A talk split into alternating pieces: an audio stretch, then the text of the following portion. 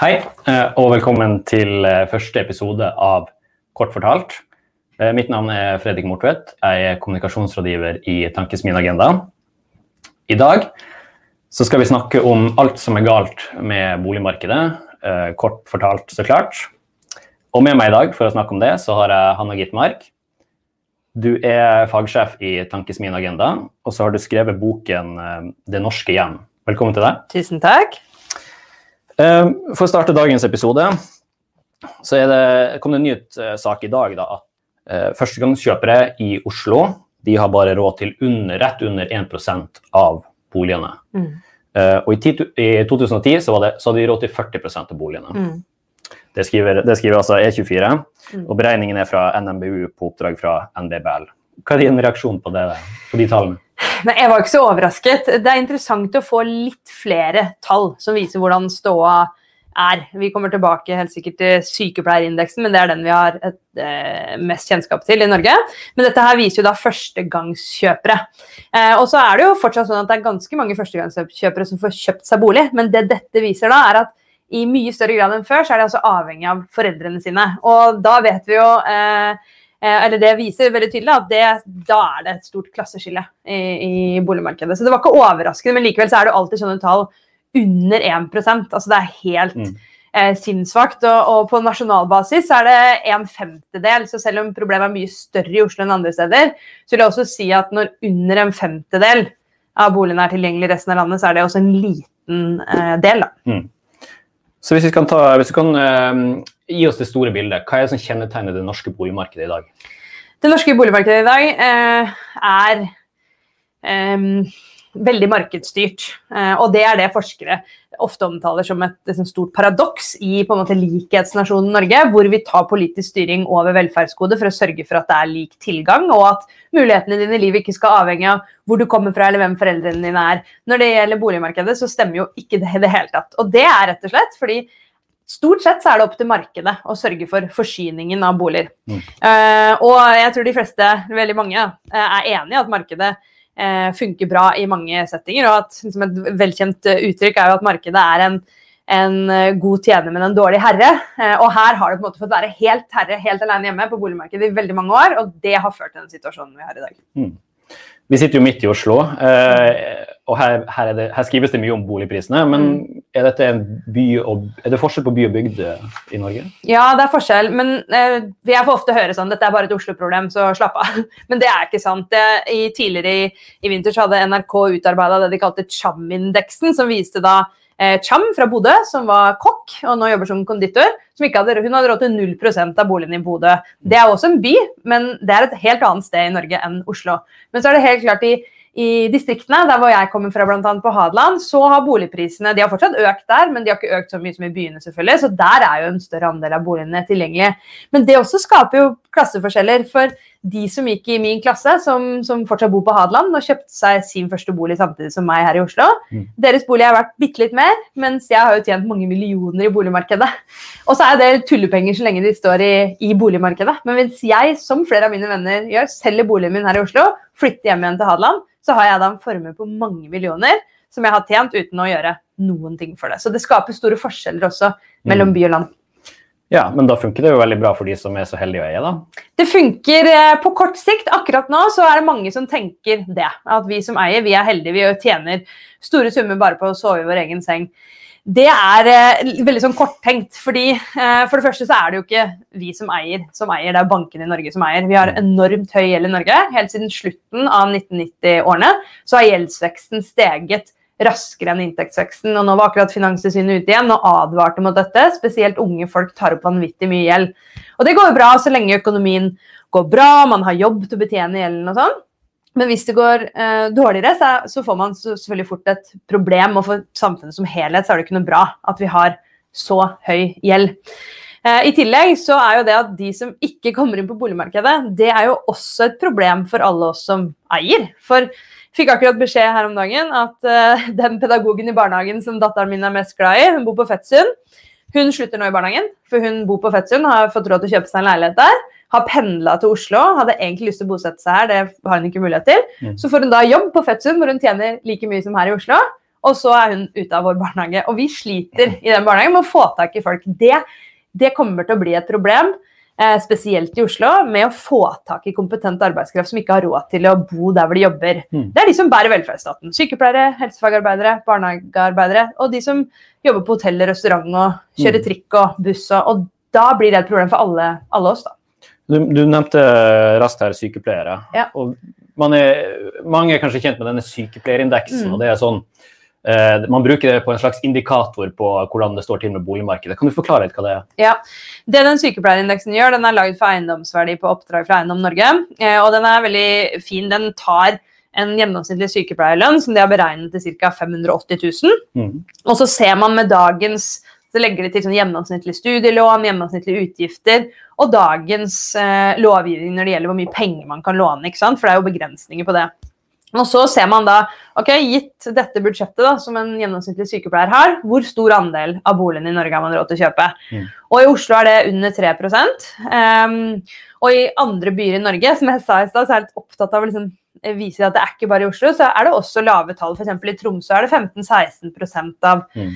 av boligene. Og hele det sentrale østlandsområdet så gjelder dette mellom 3 og 5 ikke sant? Drammen, Ski Det er ikke liksom bare i kjernen av Oslo. Så, så det, der, det er ikke noe menneskerett å bo på Grünerløkka. også Også veldig sånn forslitt og dårlig begrep. For det handler ikke om at sykepleiere på død og liv skal bo på Grünerløkka. Mm. Det handler om at de tross alt må bo et sted hvor de kan um, rekke jobben, kveldsvakt, komme seg hjem i mellomtiden, så på morgenvakt. Og helst vil vi jo at det vil i hvert fall Erna Solberg, at alle skal få flere barn. Og hvis vi skal det, og har mulighet til å levere disse barna i barnehagen Mm. før man skal på jobb som sykepleier, så kan man ikke pendle en, en time når jobben begynner halv åtte. Da rekker man ikke det. Så, så det, er også, det er ikke bare et problem for den enkelte sykepleieren, det er et problem for alle. Ja, og 580, var det 580? 580 000. Det, det er jo heller ikke, det er jo ikke småpenger, det. Og det er, jo, det er jo folk som er høyt utdannet også, ikke sant? Ja, og veldig mange, det er et veldig eh, viktig poeng at veldig mange tjener mye mindre, og spesielt mange av de som har disse yrkene i byen, som jobber på eh, hotellene, på restaurantene, barene, kjører trikken og er helsefagarbeidere, tjener mye mindre enn en dette. Så det betyr at hvis 3 er for sykepleierne, så har jo de antageligvis ikke råd til noen boliger. Mm. Kan du, er dette en særnorsk greie? Vi prater mye om bolig i Norge, um, at det er så forferdelig. Er det, er- ser man samme trekk i andre storbyer i Europa, eller er det en særnorsk greie? Det er jo et stort spørsmål. Det, er, altså, det at det er press i byene, er ikke et særnorsk fenomen. Sånn er det overalt. Det er dyrt å bo i London, det er dyrt å bo i New York. Det som er et særnorsk fenomen, er at vi har gjort veldig lite for å gjøre noe med det. London for eksempel, er en by som utmerker seg i å tilrettelegge offentlig for løsninger eh, på dette. Og det kan vi jo snakke litt mer om eh, mot slutten. Men, men eh, det det med å eie er et særnorsk fenomen. Og det er litt sånn historisk i Norge. Vi har vi hadde ikke, ikke sant, det adelssystemet som svenskene hadde, vi var selveiende bønder og sånn, så det henger Mm. litt igjen. Og så er det klart at etter andre verdenskrig så ble det på en måte det bærende elementet for den politikken man hadde for å få folk til å bo trygt og godt, at man skulle eie selv. Så at vi er så opptatt av det, er særnorsk, og så bygger jo hele systemet opp under på det. fordi jo lenger du venter med å komme deg inn på boligmarkedet, jo mer taper man, da, har man følelsen av. Um, så, så det er jo helt åpenbart at vi, vi, det gjør noe med oss. Eh, og det gjør at vi ikke har sånne vurderinger som andre har. Ok, kanskje jeg skulle leid noen år, for det gir meg frihet til å jobbe der jeg vil jobbe. Til å ikke liksom, spare opp og samle opp alle pengene mine eh, på et sted og ha høy gjeld. Sånne type vurderinger gjør vi mye mindre av i Norge enn Mm. andre steder. Fordi vi føler oss litt sånn i hvert fall, Jeg kan ikke snakke for alle i hele Norge, men jeg tror mange føler seg som en, som en slave for det systemet. Mm. Det er sikkert en lang og sammensatt historie, men kan du dra litt sånn de, eh, de lange linjene hvordan vi havna her vi er i dag? Ja. Um, ja boligpolitikk som altså politisk tema havna først Um, på dagsordenen som på slutten av 1800-tallet. Fram til da var det liksom 'every man for himself', men så skjønte man at dette må man løse politisk. For etter industrialiseringen eh, i byene så så man jo at, liksom, at folk bodde dårlig, var grobunn for en rekke problemer. Så etter hvert, når arbeiderbevegelsen som kom inn i styre og stell, så ble det en politisk oppgave. Men sånn helt sentralt som politisk tema det, ble det satt på dagsorden etter andre verdenskrig. Da sa man at dette skal være et velferdsgode på lik linje med helse og utdanning. Og politikken skal sørge for at folk bor Mm. godt og rimelig. Så da lagde man Husbanken, man satsa på boligbyggelagene, og man hadde en veldig kommunal aktiv tomtepolitikk som ga gratis eller veldig rimelig tomter til de som skulle bygge. Enten det var selvbygging, som det var i distriktene, eller boligbyggelagene. Og så hadde man da en prisregulering som sørga for at man ikke kunne selge og kjøpe boligen sin til det man ville, men at det var regulert. Og det, det, denne politikken hadde enorme resultater. Vi fikk veldig, veldig mange i ordentlige boliger. Fordi Husbanken det som var genialt, man hadde både maksimum Det skulle ikke være noe sånn skulle ikke få bygge liksom herskapshus på statens regning, men det var også minimumskrav. Så det skulle være ordentlig gode boliger. Mm. Og så, etter hvert da, på 70-tallet, så var jo også boligmarkedet i likhet med resten av samfunnet preget av liksom frihetskamp. ikke sant? Vi hadde homokamp og kvinnekamp, og vi så også liksom frihetskamp i boligmarkedet for mange. Og her må venstresiden sa litt selvkritikk, fordi man hadde jo ikke pleid dette systemet så godt og sørga for at det var tilpasset den tiden man levde i. Så da var det litt sånn rød løper for høyresiden og Kåre Willoch som kom i å på en måte ta opp problemene. Og et av disse problemene var bl.a. at folk var lei av prisreguleringen. For det gjaldt jo ikke hele markedet, det gjaldt deler av markedet. Så så man at i andre deler av markedet så solgte og kjøpte folk boliger for den prisen de ville. Eh, og det var penger under bordet-problematikk. Så, eh, så man havna i litt sånn spagat, så man måtte på en måte enten slippe opp eller stramme til. Og så ble det eh, oppslipping da, med Kåre Willoch som som deregulerte boligmarkedet og kredittmarkedet samtidig, sånn at vi kunne låne så mye penger vi ville. Og for en befolkning som aldri hadde lånt penger, så eh, var jo det liksom oppskrift på katastrofe. Og så fikk vi et litt boligkrakk da på slutten av, av 80-tallet. Men det som også skjedde, var at vi avviklet alle de generelle ordningene, støtteordningene, og sa nå skal offentlig støtte bare gå til å hjelpe de aller mest vanskeligstilte. Og siden da har vi egentlig ikke hatt noe offentlig boligpolitikk utover å støtte de som allerede eier gjennom eh, skattesystemet. Mm. Så det har på en måte vært ståa siden 90-tallet, egentlig. Man kommer ofte tilbake til dette med Thatcher-Reagan-perioden Ja. og høyrebølgen i Norge Ja. eh, som et sånn startpunkt for når ting begynte å gå galt. Men Ja. det, det, må nå være noe som, er, som, som var godt som kom ut av det? Kan du Ehm, ja, altså det var jo det var startpunktet for det som gikk galt, men som jeg nevnte i stad, så må venstresiden ta eh, litt kritikk. Og jeg er ikke enig med de som drømmer seg helt tilbake til det systemet vi hadde ti årene etter krigen, for det er 2021 nå. Folk vil ikke Eller jeg tror eh, det er vanskelig å på en måte eh, skru tiden helt tilbake, og vi må tilpasse løsningene til i dag. Men, og det var helt klart at det var grunn for å gjøre ting i det økonomiske systemet. Problemet var at man man deregulerte bolig- og kredittmarkedet uten å gjøre noe med den politisk styrte renten, uten å gjøre noe med skattefradragene, og til sammen ble det en veldig sånn farlig cocktail. Da. Eh, og så er det rart at man på en måte eh, Og så slapp man liksom markedet fri, og fra å gå fra et av de mest strengest politisk styrte boligmarkedene, så går man til det i dag forskere omtaler som det mest liberaliserte i hele Europa. Og det er et paradoks at man ikke har klart da, i årene etterpå å stramme inn litt tilbake, uten å nødvendigvis gå helt tilbake eh, til etterkrigstidens løsninger. Men nå, når man har sett hvordan dette har utviklet seg, og ikke på en måte har satt ned foten før, det syns jeg er veldig rart. Mm. Vi skal tilbake til dette med eierlinja, og Mm. den står så sterkt i, Nord i, i Norge. Um, I andre land så er det helt vanlig å leie hele livet Ja. uten, å, uten at det skal være noe problem. Eh, hvorfor har vi så sterkt eierønske i Norge?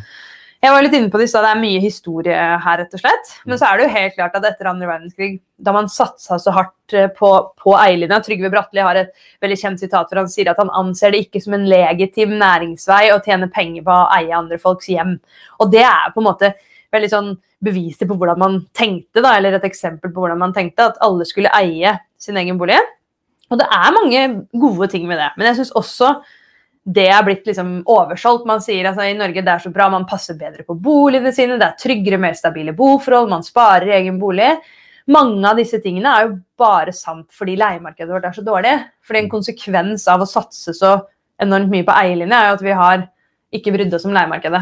Um, og da stemmer jo alle disse tingene. Men hadde vi hatt et godt regulert og kanskje liksom delvis offentlig utleiemarked, så ville jo ikke dette helt stemt. Og at det har vært lurt å spare i egen bolig, er jo også bare sant fordi prisene har gått så raskt oppover. Hvis vi hadde hatt en annen prisutvikling, så kunne man jo heller tenkt at det hadde vært bedre å spare i aksjemarkedet eller spare et annet sted hvis man hadde penger.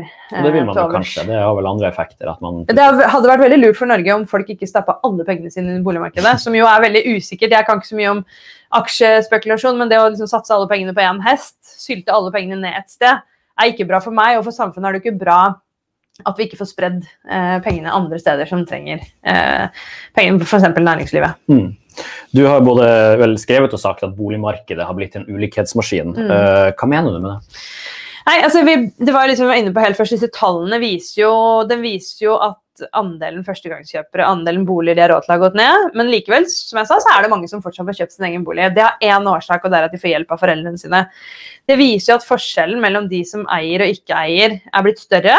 Og i dag er det jo Noen ganger så blir det sagt å, men folk leier jo fordi de ønsker og sånn. Men hvis man ser på statistikken, så er det sånn at blant de 10% med lavest lønn i Norge, så leier 64% Blant de 10% med høyest lønn, så leier 1% Så det er jo én årsak til at denne forskjellen er så stor, og det er inntekt. Og vi ser også at altså, Studier som viser forholdene over tid, f.eks. en studie fra Universitetet i Oslo, viser at hvis du hadde besteforeldre som eide bolig i Oslo på 60-tallet, så er ikke bare du rikere i dag, men du har også mye større sannsynlighet for å eie bolig selv. Så dette går jo på en måte over eh, generasjoner. Og jeg tror de som står utenfor boligmarkedet i dag, opplever jo også at for hvert år så blir det bare verre og verre. Det er ikke sånn som på andre steder. Altså, selvfølgelig skal man spare, og det er ikke sånn at man skal kjøpe seg en bolig når man er 22 og ikke ferdig med studiene. Men, men, det er bare at boligmarkedet, fordi prisene stiger raskere enn inntektsveksten, så, så, på en måte blir, blir mer og mer uoppnåelig hver dag. Og det er jo ikke uh, verken motiverende eller rettferdig. Da. ja. Uh, du, har, har skrevet, du, har også brukt det argumentet at de utenfor boligmarkedet altså de som ikke når igjen disse ja. prisene som stiger på mm. boligmarkedet, altså de betaler og subsidierer for de innenfor ja. boligmarkedet. Eh, det høres jo ikke så veldig rettferdig ut. Nei, det er det ikke. Jeg har liksom kalt det omvendt Robin Hood-politikk. For igjen så er jo hele skattesystemet vårt i Norge har siden slutten av 1800-tallet vært bygget på et prinsipp om at de som har mest, bidrar mest. Altså et prinsipp om progressivitet. Eh, når det gjelder boligmarkedet, så er det helt annerledes. For vi har også i veldig mange år eh, gitt store skattefordeler for å eie bolig. Blant annet får vi da kjempestore rentefradrag. Og så er det sånn at Jo høyere gjeld du har og jo dyrere bolig du eier, jo mer får du. Det betyr at vi med de eh, rimeligste boligene eh, sponser altså de med de dyreste. Og de utenfor boligmarkedet eh, sponser, eller subsidierer, da, de innenfor. Og Samtidig så bidrar da dette til at boligprisene blir enda høyere, for det blir enda bedre for alle oss i markedet å plassere enda mer penger. Så man, Det er ikke bare at man subsidierer, men, men, gjennom subsidien så gjør man det vanskelig for seg selv å komme inn. Mm. Og Det er altså helt bak mål. og, og studier, bl.a. en fra Erlend Eide Bø ved SSB, har jo vist at ved å endre på dette, så, altså ved å øke beskatningen av bolig, eh, så vil boligprisene synke. Og man vil også få mye mye mer progressivitet, altså et mye mer omfordelende skattesystem. Som, og man vil få store skatteinntekter som man f.eks. Kan, kan, kan bruke til å sette ned inntektsskatten, så man får enda mer omfordeling. Mm. Og Det er jo det alle økonomer anbefaler oss å gjøre. Og Det er veldig få land som holder på på denne måten, men det er jo dette som kanskje er det mest vanskelige politisk. Og jeg pleier å si at jeg har ikke møtt så mange politikere som virkelig er mot å gjøre noe med dette, men um, men man tør ikke. Og så er det noen partier nå, bl.a. SV og Rødt, vel, som har endret politikken sin her. Eh, men de største partiene man er avhengig av å få med seg, de, de, ønsker fortsatt ikke å gjøre noe med det. Men heldigvis er det flere som sier at de er nødt til å se på dette med uh, det de, Jeg mener boligmarkedet har blitt som spekulasjon for de fleste av oss, men, men de refererer ofte til liksom, dette med å eie flere boliger og sånn, at man ønsker å gjøre noe med, med det, i hvert fall. Da, så man i hvert fall gjør noe med beskatningen av av, eh, av det hvis du eier liksom to eller tre eller fire boliger. Da. Og det er i hvert fall på tide. Ja, skatter vi mye av bolig i Norge i dag? Nei, vi har kommunal eiendomsskatt. Som jo, Det er jo selvfølgelig en eiendomsbeskatning, men det er jo fri inntekter til kommunene. så det er jo valgfritt for kommunene. Og så har vi en dokumentavgift, og så skatter vi jo bolig gjennom formuesskatten. Men den er jo kraftig, altså det er veldig lav formuesvurdering, så det er veldig få som betaler skatt på boligen sin. Og så har vi gevinstbeskatning, men den er også helt uthulet. For det er sånn at hvis du har bodd i boligen de siste, ene av de siste to årene, så slipper du å betale gevinstbeskatning. Så man har på en måte uthulet eh, systemet på disse måtene, så er netto veldig veldig lav beskatning. Mye mye mindre enn alle andre land. Mm. Og det er type OECD-land, da. Ja. ja. Mm. Um, jeg vil litt tilbake til dette med velferdsgode, som du mm. eh, beskrev bolig som. Mm. Når du sier velferdsgode, så tenker jeg at det er noe man får gratis, ja. og noe du står i kø for. Og så får du det litt sånn i tur og orden etter behov. Ja. Uh, litt sånn som helsevesenet, da. Uh, men mener du at man skal kanskje sette seg i en kø for å få seg en bolig, da?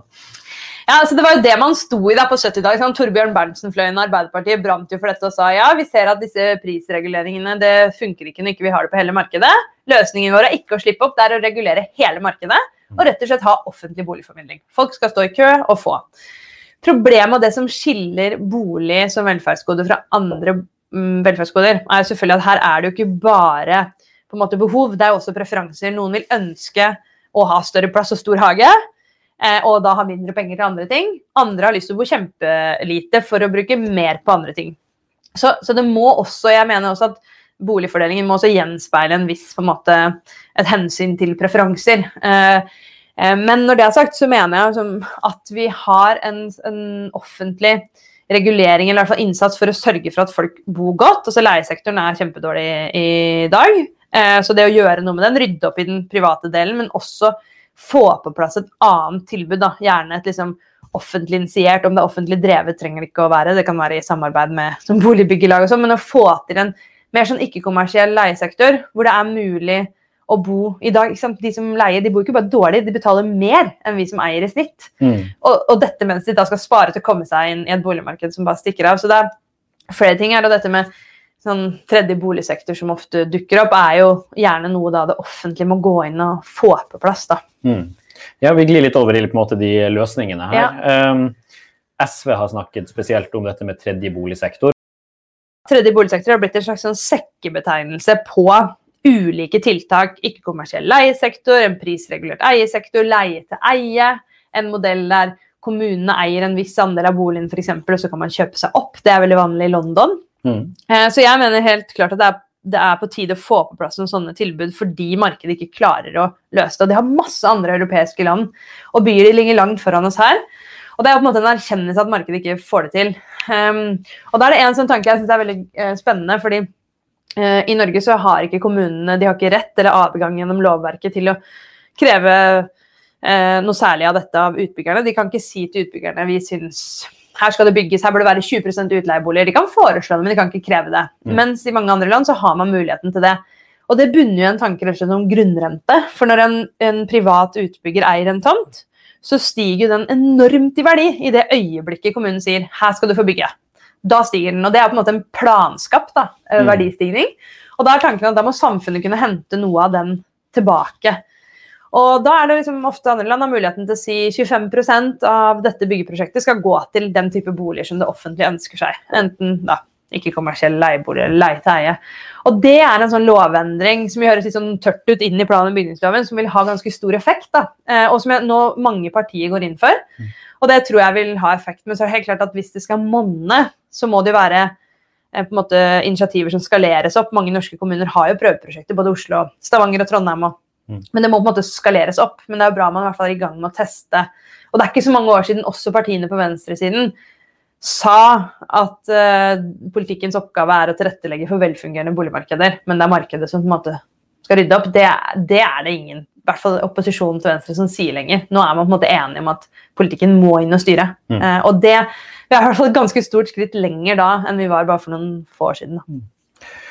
Det har jo vært eh, noen sånne aktivistiske ja, man, organisasjoner, da, mm. eller ja, som, som, som het, bl.a. redusere husleia, ja. drittleilighet og mye, mye, sånne type ting. Mm. Um, jeg bare lurer på dette med hvordan er det for leietakere nå på boligmarkedet? Altså er det det virker som det er veldig mange som er unge og studenter, de møter et leiemarked som er de kanskje ikke vet sine rettigheter eller hva de har mm. krav på. og sånt. Det, trenger vi et tryggere leiemarked for de mm. som før du på en måte kommer til det punktet du skal mm. uh, kjøpe? Ja, fordi i, i Norge også så sier mange politikere de kommer liksom unna med å si nesten åtte av ti eier, så da er det vellykka. Ok, Men hva med den fjerdedelen nesten da, som ikke eier? Skal vi bare ikke bry oss om dem? Nei.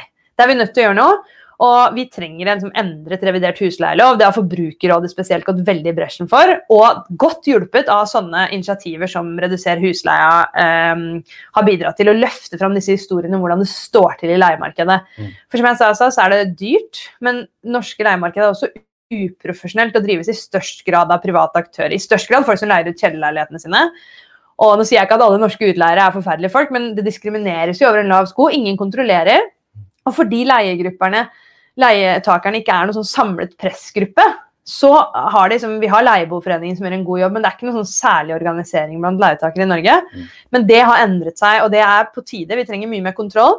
Og vi trenger å endre husleieloven sånn at den blir en reell forbrukerlov, rett og slett. Fordi i dag så er det maktforholdet helt skjevt. Du som leietaker står veldig svakt. Eh, i forholdet til utleier, som sitter egentlig med all makt. Eh, så her, her trengs det liksom stor opprydding. Også her er jo løsningene ulike, men i hvert fall å gjøre noe med, med husleieloven og styrke kontrollen i boligmarkedet. Og gjøre noe med at liksom, selv om du skal være der en kort periode eller for alltid i leiemarkedet, så skal det også være trygt og godt å bo. Og, og det, også, det, er også politikkens oppgave å sørge for. Mm. Vi var så vidt innom dette med skatt mm. uh, på bolig. Um, når jeg tenker på skatt, så føles det litt som at det vil kanskje bare dempe litt, og det prisveksten mm. per år blir kanskje ikke like så høy. Men mm. liksom, eh, vil, vil, en del sånne skatteforetak virkelig monne på, på, boligmarkedet, eller er, det, eller er, det, rett og slett det at man bare må bygge mer? Mm. og Altså, det er jo en kombinasjon. Dette politikkområdet er stort og krever mange løsninger. Eh, men skatt i seg selv vil helt klart hjelpe. Denne studien jeg refererte til i stad, som er en empirisk studie, viser at boligprisene vil synke med 20 eh, Og det er veldig mye. Um, men så er det helt klart at der syns jeg nok venstresiden har vært for dårlig. For man har fokusert veldig mye på alt annet enn det enn bygging. Og så har høyresiden og markedet vært veldig sånn Den eneste løsningen er å bygge. Og så er jo da et liksom midt imellom-standpunkt, da, eller eller det riktige standpunktet, som jeg vil si, er på en måte å, mene at man må gjøre litt av alt. da. Og man må helt klart også bygge mer. Det går for treigt i plan- og bygningsetaten i mange norske kommuner.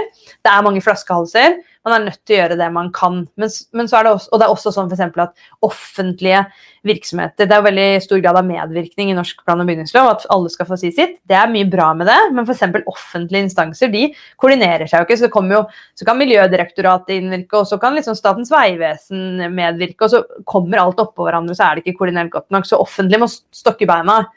Men så må man også stille krav til utbyggerne. Det er eksempler i Oslo på at tomter som er regulert til boligbygging, istedenfor brukes til å leie ut til parkeringsplasser fordi man tjener mer. Så her bør man jo stille krav om at det må bygges ut da, hvis man får regulert.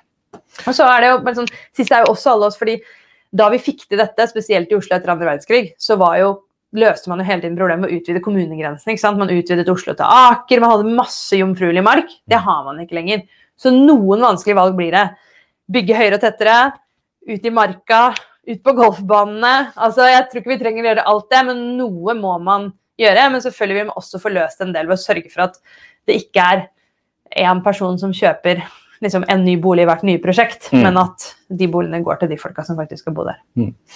Eh, vi får kanskje, som det ser ut nå, kanskje en ny regjering til høsten. Mm. Uh, og med litt av dette momentet fra disse aktivistiske organisasjonene og sånt som mm. reduserer husleia og sånt. Um, hvilke endringer tror du er sannsynlige, altså som vi faktisk kommer til å se som både er uh, politisk gjennomførbare? Jeg tror for det første vi kommer til å få en stor gjennomgang av boligpolitikken. Det tror jeg alle partiene ønsker seg. Og av mer sånn konkrete endringer så tror jeg at vi kommer til å få flere partier går inn for det, denne endringen i plan- og bygningsloven som, som, som sagt da, kan høres lite ut, men som jeg tror vil få stor effekt. Jeg tror vi kommer til å få en endret mandat til Husbanken. At den kan brukes mer aktivt, bl.a. inn i disse tredje boligsektortiltakene. Um, og så tror jeg vi kommer til å se en opprydding i leiemarkedet, endring av husleieloven. Og jeg håper også at vi kommer til å se noen endringer i skattesystemet når det gjelder på en måte spekulasjon av boliger, når det gjelder eh, som kjøpe som sin tredje eller fjerde bolig, at vi får mm. noe der. Det tenker jeg Jeg skjønner, eller jeg, altså, jeg registrerer at det er vanskelig å få gjort noe med på en måte, skattesystemet i stort når det gjelder bolig, men jeg tror det er ganske få politiske kostnader og egentlig liksom få, få som kommer til å rope ut om liksom, økt beskatning i hvert fall uh, utleieboliger og den type ting. Så der tror jeg vi kommer til å uh, se noe. Så mm. det blir i hvert fall veldig spennende. Og igjen så har vi da tydelig sett at standpunktet er endret fra å liksom si at man er fornøyd og at det fungerer i hovedsak godt på venstresiden, til å si veldig tydelig at dette klarer ikke markedet selv. Um, og selv om det kan virke vanskelig liksom stort og mange ting man må endre på, så tror jeg vi kommer til å se noe her. Mm. Håper i hvert fall det. Takk for at du kom til Kort fortalt. Hanne Tusen takk for at jeg fikk komme. Da vil jeg bare si uh, før vi avslutter, at det blir også mulighet til å høre denne, på, nei, denne episoden på uh, podkast uh, hos Tankesmien Agenda i de fleste podkast-apper. Og så ses vi neste gang. Takk for at du så på.